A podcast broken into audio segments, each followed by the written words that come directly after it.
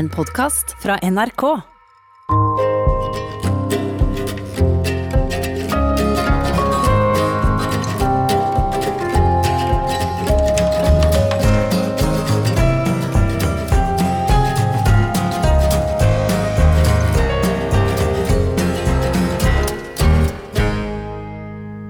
Jeg har alltid elsket det utemmede, det frie. Det er noe vakkert og rått ved dyr og villmark, og samtidig noe uskyldig, redelig og harmonisk. Jeg ønsket å være en del av denne frie naturen, men det var umulig i det samfunnet jeg vokste opp i. Da jeg var 23 år, reiste jeg til Amazonas på en enveisbillett. Planen var å reise ut og leve i jungelen og kanskje aldri flytte hjem igjen. Sånn gikk det ikke. Det ble en fantastisk reise. En reise der jeg fikk leve det frie naturlivet sammen med Amazonas' urfolk. Men også en dramatisk reise, da jeg etter hvert oppdaget en bakside jeg ikke ante noe om før jeg dro. Fra jeg var liten hadde jeg drømt om å leve hos urfolk som enda ikke var påvirket av vår verden. Den moderne verden hvor naturen blir sett på som noe som bare skal utnyttes, uten tanke på hvordan den behandles og etterlates. Jeg hatet at vi satte oss selv over alt annet liv her på jorden. Det var så stygt hvordan vi hensynsløst raserte økosystemene, som danner grunnlaget for alt liv. Hvordan vi oppførte oss som om alt annet liv var helt uten egen verdi. Jeg forsto ikke hvordan det kunne være mulig å være så korttenkt, og så egoistisk.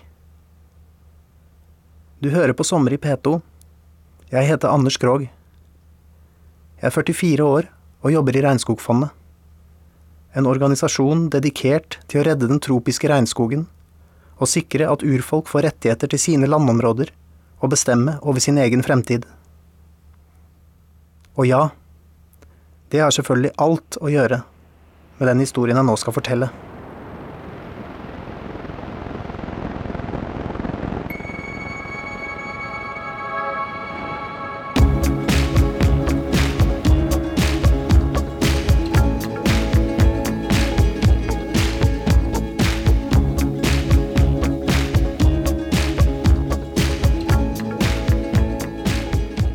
Slik jeg husker det, startet det i bokhyllen til morfar. Der fant jeg bøker om folk som levde på en helt annen måte enn oss. Om eldgamle kulturer som var så sammenvevd med naturmiljøet at det ikke gikk an å skille menneske og natur. Jeg kunne sitte oppslukt time etter time. Etter hvert vokste det frem en drøm. Jeg ville også leve sånn. Av alt jeg leste om, ble jeg aller mest betatt av regnskogen. Amazonas var kongen av verdens naturområder, med et dyre- og planteliv så rikt og eksotisk at det fremsto som et eventyr. Det aller gjeveste var et område på grensen mellom Peru og Brasil som kalles Javaridalen. Der fantes det folkegrupper som fortsatt levde helt uten kontakt med omverdenen. Tenk det, det fantes mennesker på jorden som ikke kjente til den verden Columbus dro med seg til indianernes land for 500 år siden. Jeg var som trollbundet av dette. Jeg ville bare dra. Dag og natt var det dette som var i drømmene og tankene mine. I lek, i skoleoppgaver, alt handlet om å forberede seg til den store reisen. For det var ingen tvil. Jeg ville dra til Javaridalen i Amazonas, finne mitt ukjente folk og leve sammen med dem. Da jeg var 23 hadde jeg spart opp nok penger til å kunne sette meg på et fly til Peru. Jeg fløy til Iquitos, verdens største by uten vei og togforbindelse. En by som ligger langt inn i den peruanske regnskogen, omslukt av et grønt teppe av sammenhengende trekroner. Jeg ante ikke hvordan jeg skulle komme meg videre, men jeg var overlykkelig over å være på vei. I Kitos oppsøkte jeg flere reisebyrå som arrangerte regnskogsturer for turister. Jeg visste at for å nå de ukontaktede indianerne, måtte jeg gå gjennom maorona-folket. Det eneste folket på peruansk side av Javaridalen som hadde kontakt med omverdenen. Men ingen av de jeg spurte, kjente Javaridalen og maoronaene. En av reiseoperatørene spøkte med at indianerne ville ta meg til fange og sikle på det møre hvite kjøttet mitt. Etter to uker uten hell begynte pågangsmotet mitt å synke. Jeg ble engstelig for at turoperatørene kunne ha rett. Var jeg for naiv? Ville jeg klare å komme så langt inn i Amazonas at jeg ville finne en isolert stamme? Ville jeg få oppleve å bli en av dem? Det virket plutselig fjernt, men jeg nektet å gi opp. Hver dag gikk jeg ut til byens yttergrense i havneområdet ved Amazonaselven. Der sto jeg og stirret utover mot den grønne skogkanten på andre siden av den mektige elven. Jeg forestilte meg de ville dyrene og menneskene som bodde der ute, og hvordan jeg ville møte dem. Det ga meg styrke til å fortsette. Så en morgen dukket det overraskende opp en fyr på motellet der jeg bodde, som fortalte at faren hans kunne hjelpe meg å finne maronaene. Jeg bestemte meg straks for å dra og møte faren. Moises Torres Viena var 68 år og pensjonert oberst fra den peruanske hæren. Mye av jungeloverlevelseskunnskapen hadde han fra Javaridalen, der han hadde vært på militærøvelser. Nå jobbet han sporadisk for en turoperatør i byen, og da han hørte om muligheten til å komme tilbake til Javaridalen, ville han ikke la den gå fra seg. På kontoret hans hang et stort fotografi av en naken urinnvåner som spente buen sin med pil opp i luften. Mannen var omgitt av nakne kvinner med de karakteristiske katteaktige ansiktene. Jeg ble stående lenge og se på bildet. Det ga meg den indre styrken som hadde fulgt meg gjennom hele oppveksten, og som hadde gjort meg sikker på at det var dette jeg ville. Moises fortalte at det var to måter å komme seg til Mairona-folket på. En lang og billig, og en rask og dyr.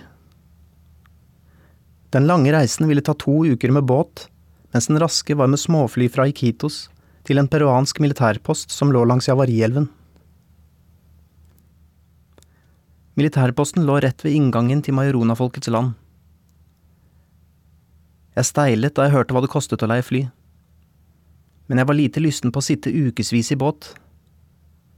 Tanken på at jeg i løpet av noen dager kunne komme dit jeg hadde levd i mine tanker gjennom hele oppveksten, trumfet den økonomiske side av saken. Da jeg traff Moises på småflyplassen, så han rart på meg. Alt jeg hadde på meg var en badebukse, en singlet og sandaler. Sekken var ikke større enn det man normalt ville tatt med seg på en søndagstur.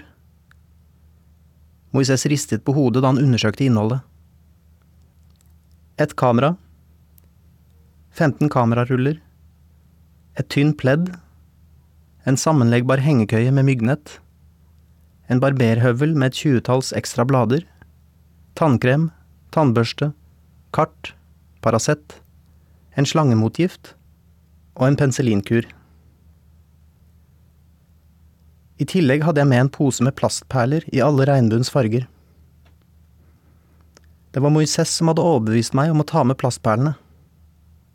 Han fortalte at maronaene var helt ville etter dem, særlig de røde og gule.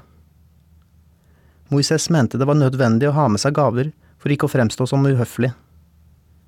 Helst ville han at jeg skulle ta med meg en masse macheter, kniver, kopper og kar, men der satte jeg ned foten. Det brøt helt med min forestilling om å ha med seg så lite som mulig fra vår verden, så det ble med plastperlene. Moises hadde dessuten allerede forsynt majoronene med masse plastperler allerede, så en pose fra eller til kunne umulig gjøre så stor forskjell. Da Moises fant ut at jeg verken hadde med bukse, langermet genser, støvler, sokker eller myggspray, ble han så oppgitt at han forsøkte å utsette reisen. Men det kom ikke på tale. Jeg var klar til å dra. Ferdig snakka. Selv synes jeg Moises så latterlig ut der han sto i fullt militærutstyr, fra topp til tå med en gammel rifle i hånden. Ikke mye til jungeloverlevelse å skryte av når du er utrustet på den måten. Jeg skulle leve som majoronene, ikke som en kommandosoldat.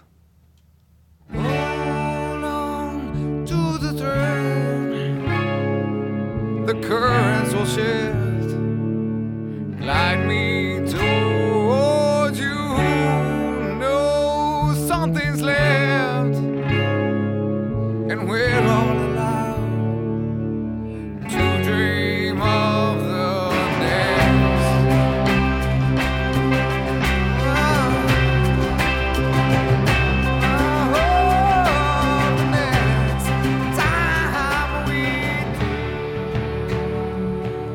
Det var skyfri himmel da flyet tok av fra den peruanske byen Iquitos.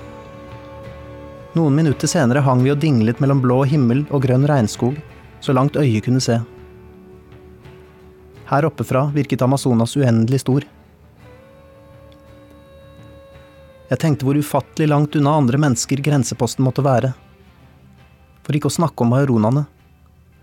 Urfolket jeg håpet kunne lede meg videre til et ukontaktet naturfolk. Før jeg drømte meg helt bort, tenkte jeg på moren og faren min og den siste telefonsamtalen jeg hadde med dem. Gå og finn drømmen din nå, sa moren min, uten å klare å skjule en viss engstelse i stemmen. Vi fløy halvannen time i strekk uten å se annet enn det bølgete kronedekket.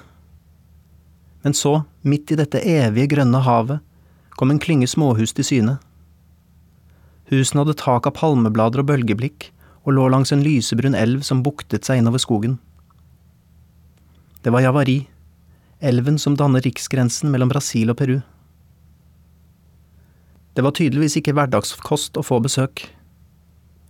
Fra flyet kunne jeg se hvordan folk stimlet ut av husene og ned mot elven hvor flyet vårt landet. Flytebryggen var full av smilende, ropende mennesker som ønsket oss velkommen. Det virket som alle visste hvem guiden min Moises var.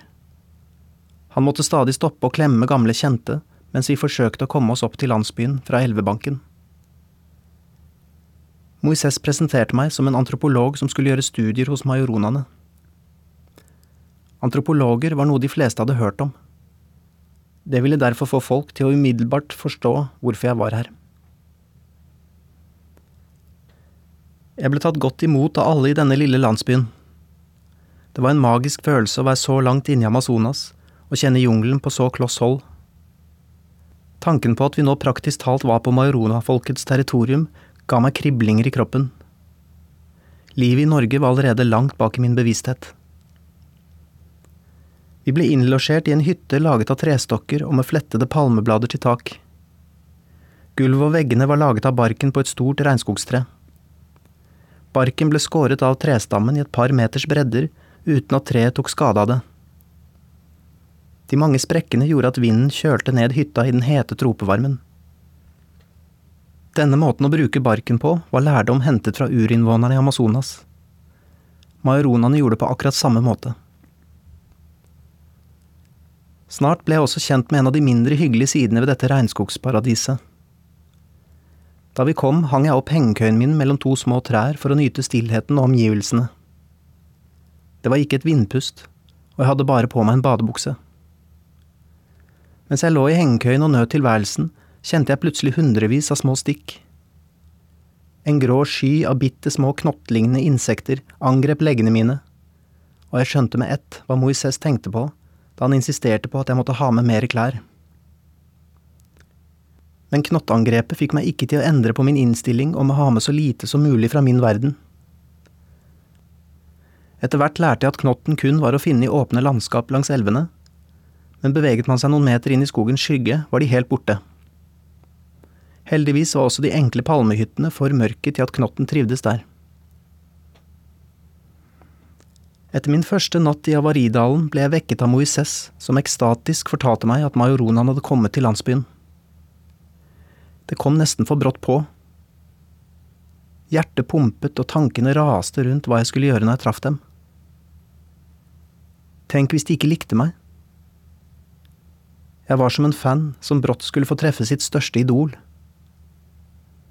Samtidig syntes jeg det var merkelig at de kom hit til grenseposten. Hva gjorde majoronene her? Ved elven sto det to menn i en uthulet trestokk formet som en kano. Mennenes ansiktstrekk skilte seg markant fra innbyggerne i landsbyen. Det var ingen tvil om at de var urinnvånere. Fra ørene og rundt munnen hadde de en grønnblå strek med tagger tatovert inn i huden. Mannen foran i kanoen hadde to taggete streker formet som en V på brystet, rett under halsen. De gikk barfot, og både ben og armer hadde arr som vitnet om et liv i nærkontakt med jungelen. Samtidig hadde de på seg utslitte shortser, og mannen bakerst i kanoen hadde også på seg en fillete T-skjorte. I kanoen lå det en pil og bue. Men da mannen foran i kanoen så på meg, tok han opp et gevær og pekte inn i løpet. De er her for å skaffe seg patroner, sa Moises. Hjertet sank i meg. Hvorfor vil de ha patroner? De hadde jo klart seg fint med pil og bue i tusenvis av år. Dropp geværet, tenkte jeg. Det vil bare gjøre dere avhengig av en verden som vil sluke dere helt. En mann fra landsbyen vekslet noen ord med mennene i kanoen før han snudde seg mot meg. De lurer på om du er misjonær, sa han. Misjonær? Det stakk i brystet. Misjonær var det siste jeg ville bli assosiert med. Jeg var ikke kommet til Amazonas for å dytte min verden på dem. Altfor mange urfolk har gjennom kolonitiden fått livene sine revet i filler i møte med inntrengere. De røver landet deres, kommer med fremmede sykdommer og behandler urfolk og deres livsførsel som mindreverdige. Fra å være frie, selvstendige mennesker med livskraftige samfunn tvinges urinnvånerne til å bli slaver av en verden som verken forstår eller respekterer dem. Og misjonærene er ofte i frontlinjen for dette. Den dagen lærte jeg at det var mange Majorona-landsbyer i nærheten av grenseposten og at majoronene ofte kom hit for å bytte til seg varer. Gjerne patroner, macheter, fyrstikker og klær. Jeg fikk også høre om da misjonærene kom. Det var den gang da majoronene bodde som nomader i skogen og ikke ønsket kontakt med omverdenen. Misjonærene fløy over landsbyene og slapp ned alt fra kopper og kar til fotografier av misjonærene. Til å begynne med ville ikke majoronene ta på tingene. De dyttet de ukjente gjenstandene ned i elven med pinner og flyktet videre innover i skogen. Men misjonærene ga seg ikke, og til slutt klarte misjonærene å etablere kontakt. Men så, etter at alle majoronene var hentet ut av skogen for å høre om Jesus, forlot misjonærene området. Da hadde mange av innbyggerne blitt avhengig av vestlige varer, og en del valgte derfor etter hvert å tilby sin arbeidskraft her i grenseposten. Akkurat hva det var de jobbet med, fikk jeg ikke helt taket på. Det jeg fikk høre var ikke oppløftende. Jeg begynte å lure på om det 20. århundre hadde innhentet majoronene raskere enn jeg hadde trodd. Fantes det fremdeles majoronaer som levde isolert i skogen, uten kontakt med andre mennesker? I landsbyen var de tvilende, men noen mente de i så fall levde langt opp mot Javarielvens kilde. Jeg kjente på et mismot over at livet i Amazonas kanskje ikke lenger var slik jeg hadde drømt om. Men jeg ville ikke gi opp drømmen.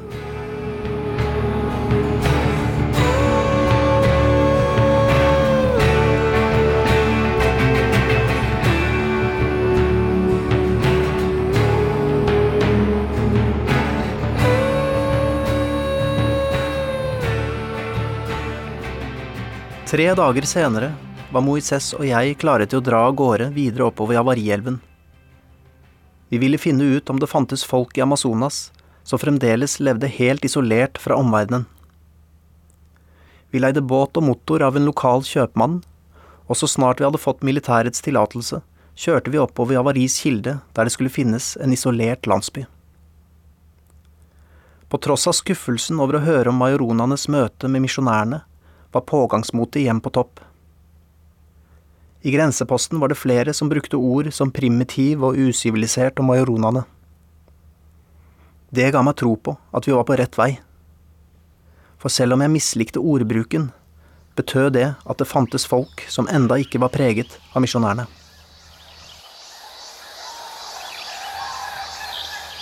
Det var tørketid, og solen stekte fra en skyfri himmel.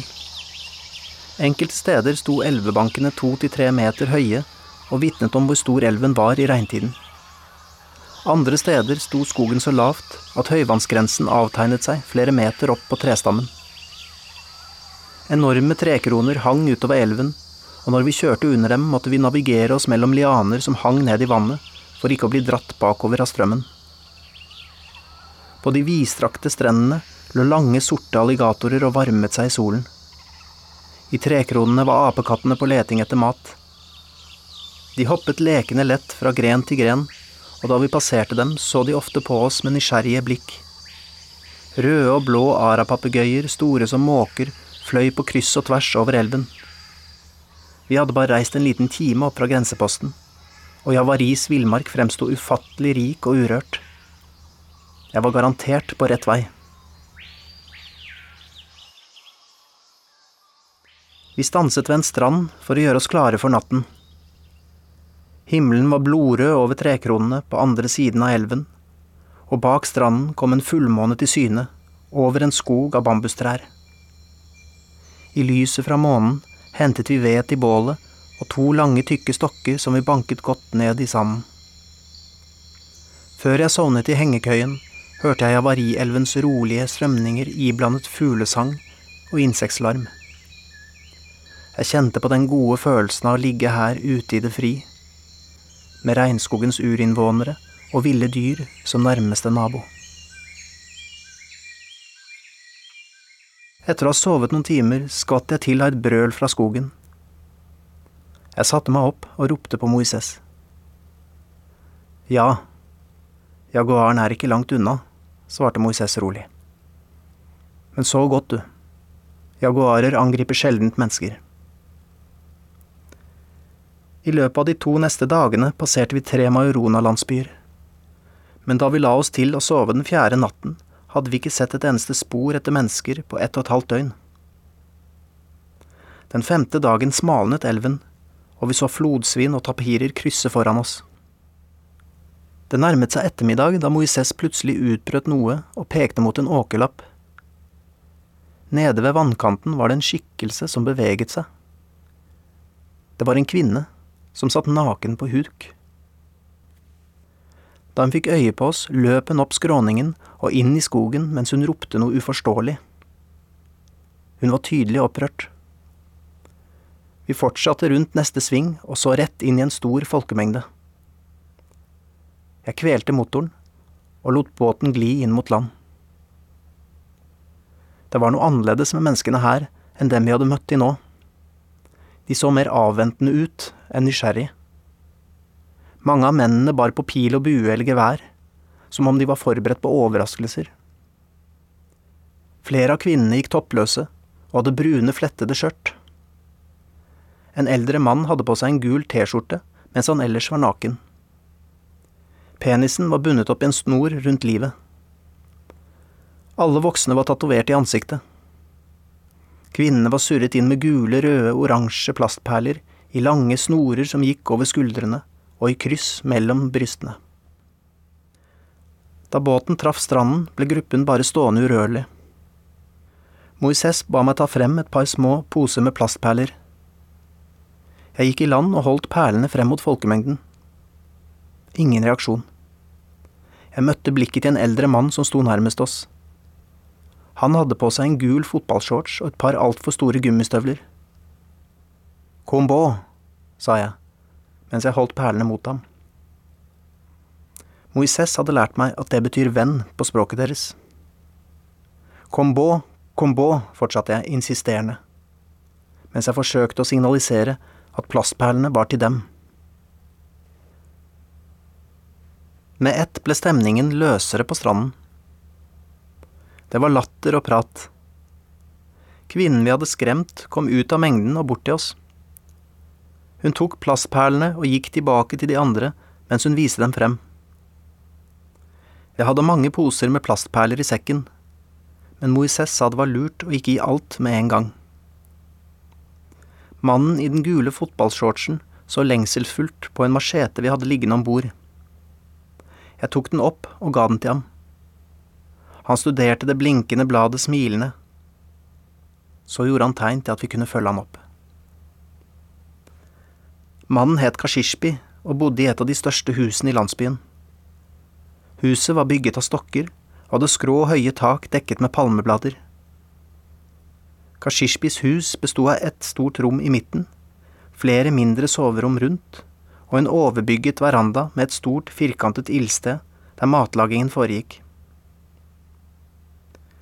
Etter hvert lærte jeg at to av kvinnene i huset var Kashishbis koner. De andre var barn, barnebarn og svigerbarn.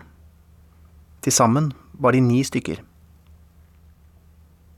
En av Kashishbis svigersønner snakket litt spansk.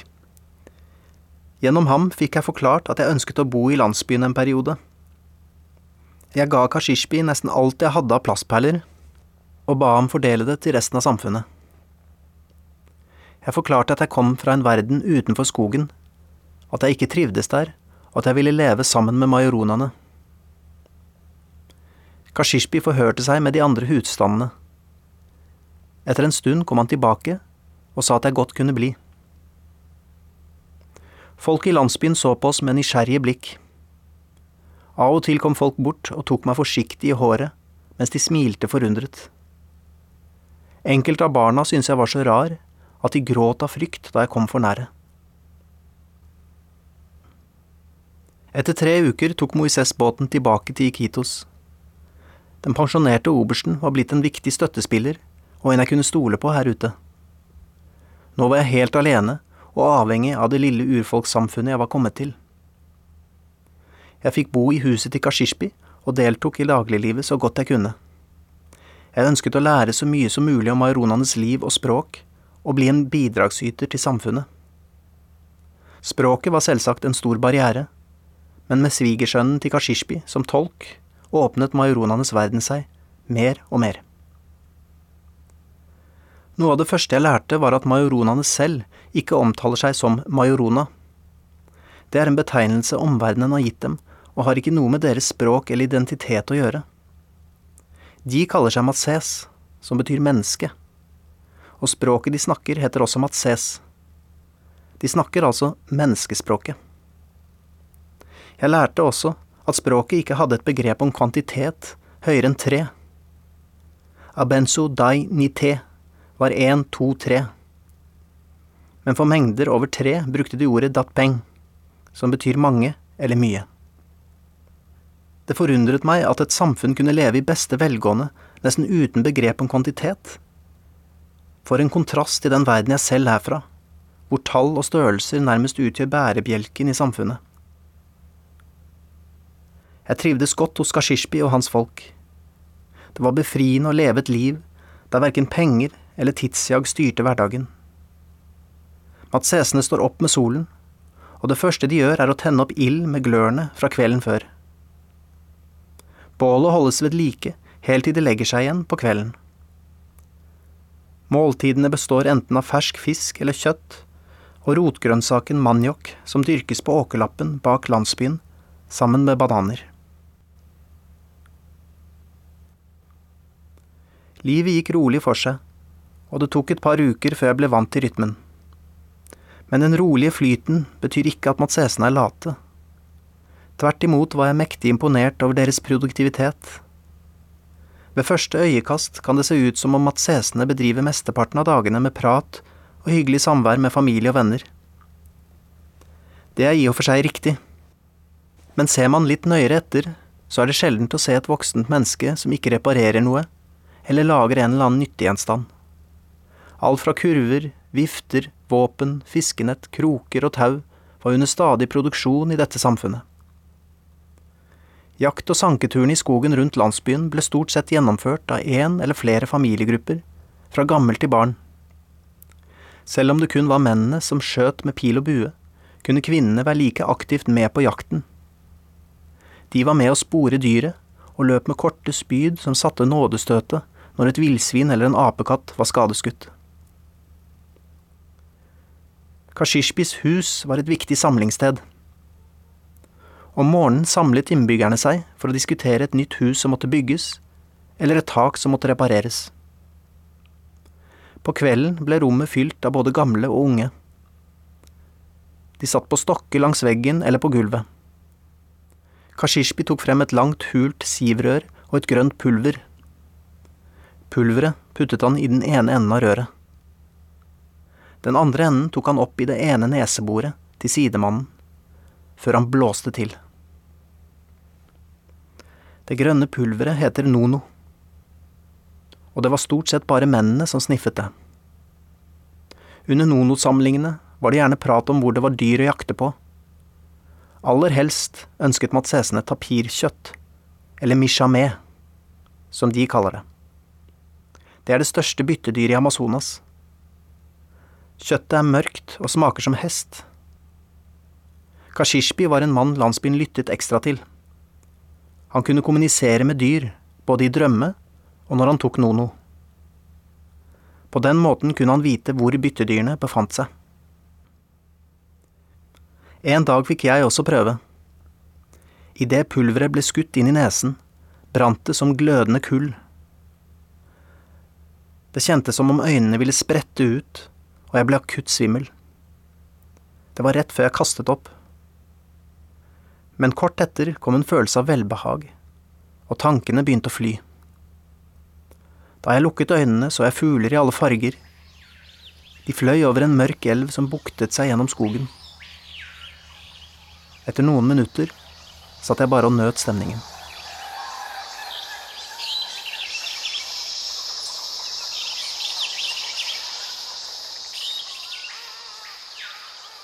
Jeg trivdes godt hos Kashishbi, men jeg var likevel ikke helt fornøyd.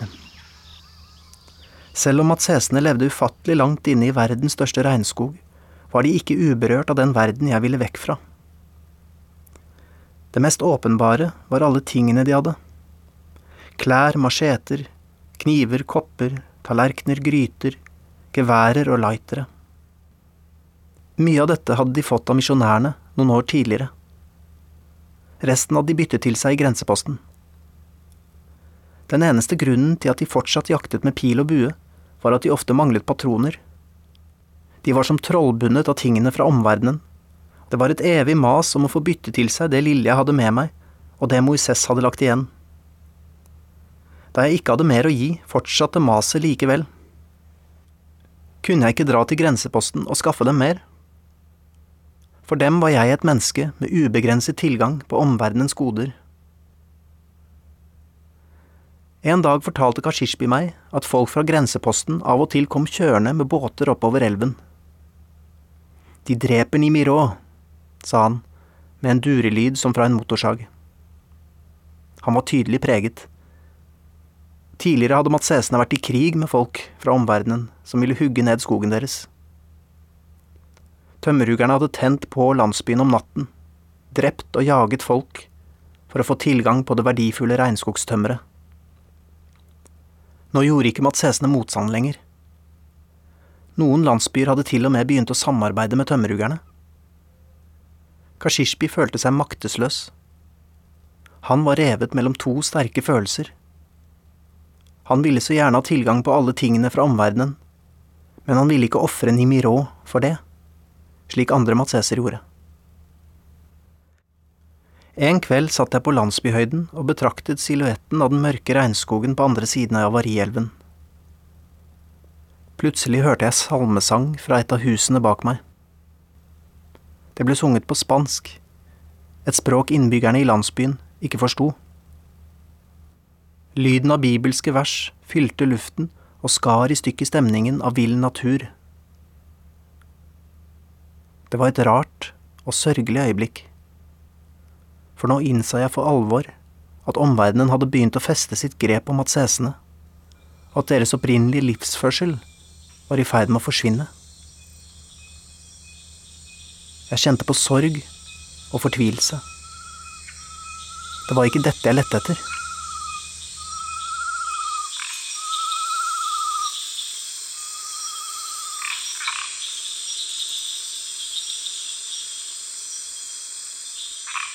En dag fortalte en av mennene i landsbyen at han hadde sett mange tapirer i drømme. Under Nono-samlingene så han tapirene igjen, og han ble sikker på hvor de befant seg. Kashishbi hadde også sett tapirer, og gruppen bestemte seg for å dra på jakt. Før misjonærene kontaktet matsesene, levde de et mer nomadisk liv. Nå bodde de mesteparten av tiden i store landsbyer, men de hadde fortsatt flere mindre boplasser spredt rundt omkring i skogen som de besøkte fra tid til annen. Disse lå fra én til flere dagsmarsjer unna landsbyen, og Kashishbi fortalte at det var mye flere dyr å jakte på der enn ved landsbyen.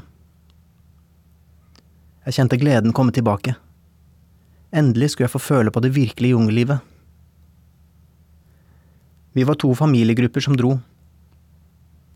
Kashishbi var den eldste, mens en ung kvinne fra det andre husholdet bar på følges yngste barn i en sekk av flettede palmeblader. Alle hadde med noe. Rotfrukten pachi, palmenøtter, røkt apekjøtt, fersk fisk, nøtter, bananer, buer og piler, spyd, noen metallgryter, macheter, hengekøyer, nono og fiskesnører.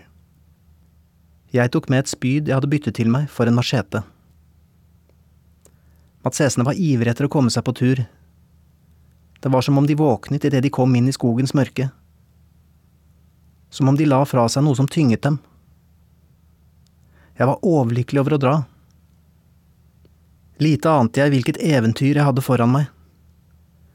Om hvordan reisen skulle gi meg unik kunnskap om en av Amazonas' siste ukjente stammer, men også om de destruktive kreftene som truer dem.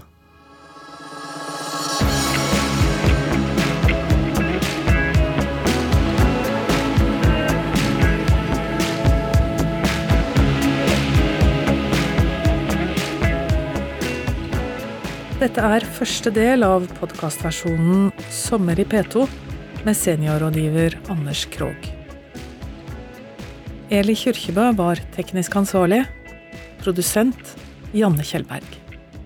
Du har hørt en podkast fra NRK. Hør flere podkaster og din favorittkanal i appen NRK Radio.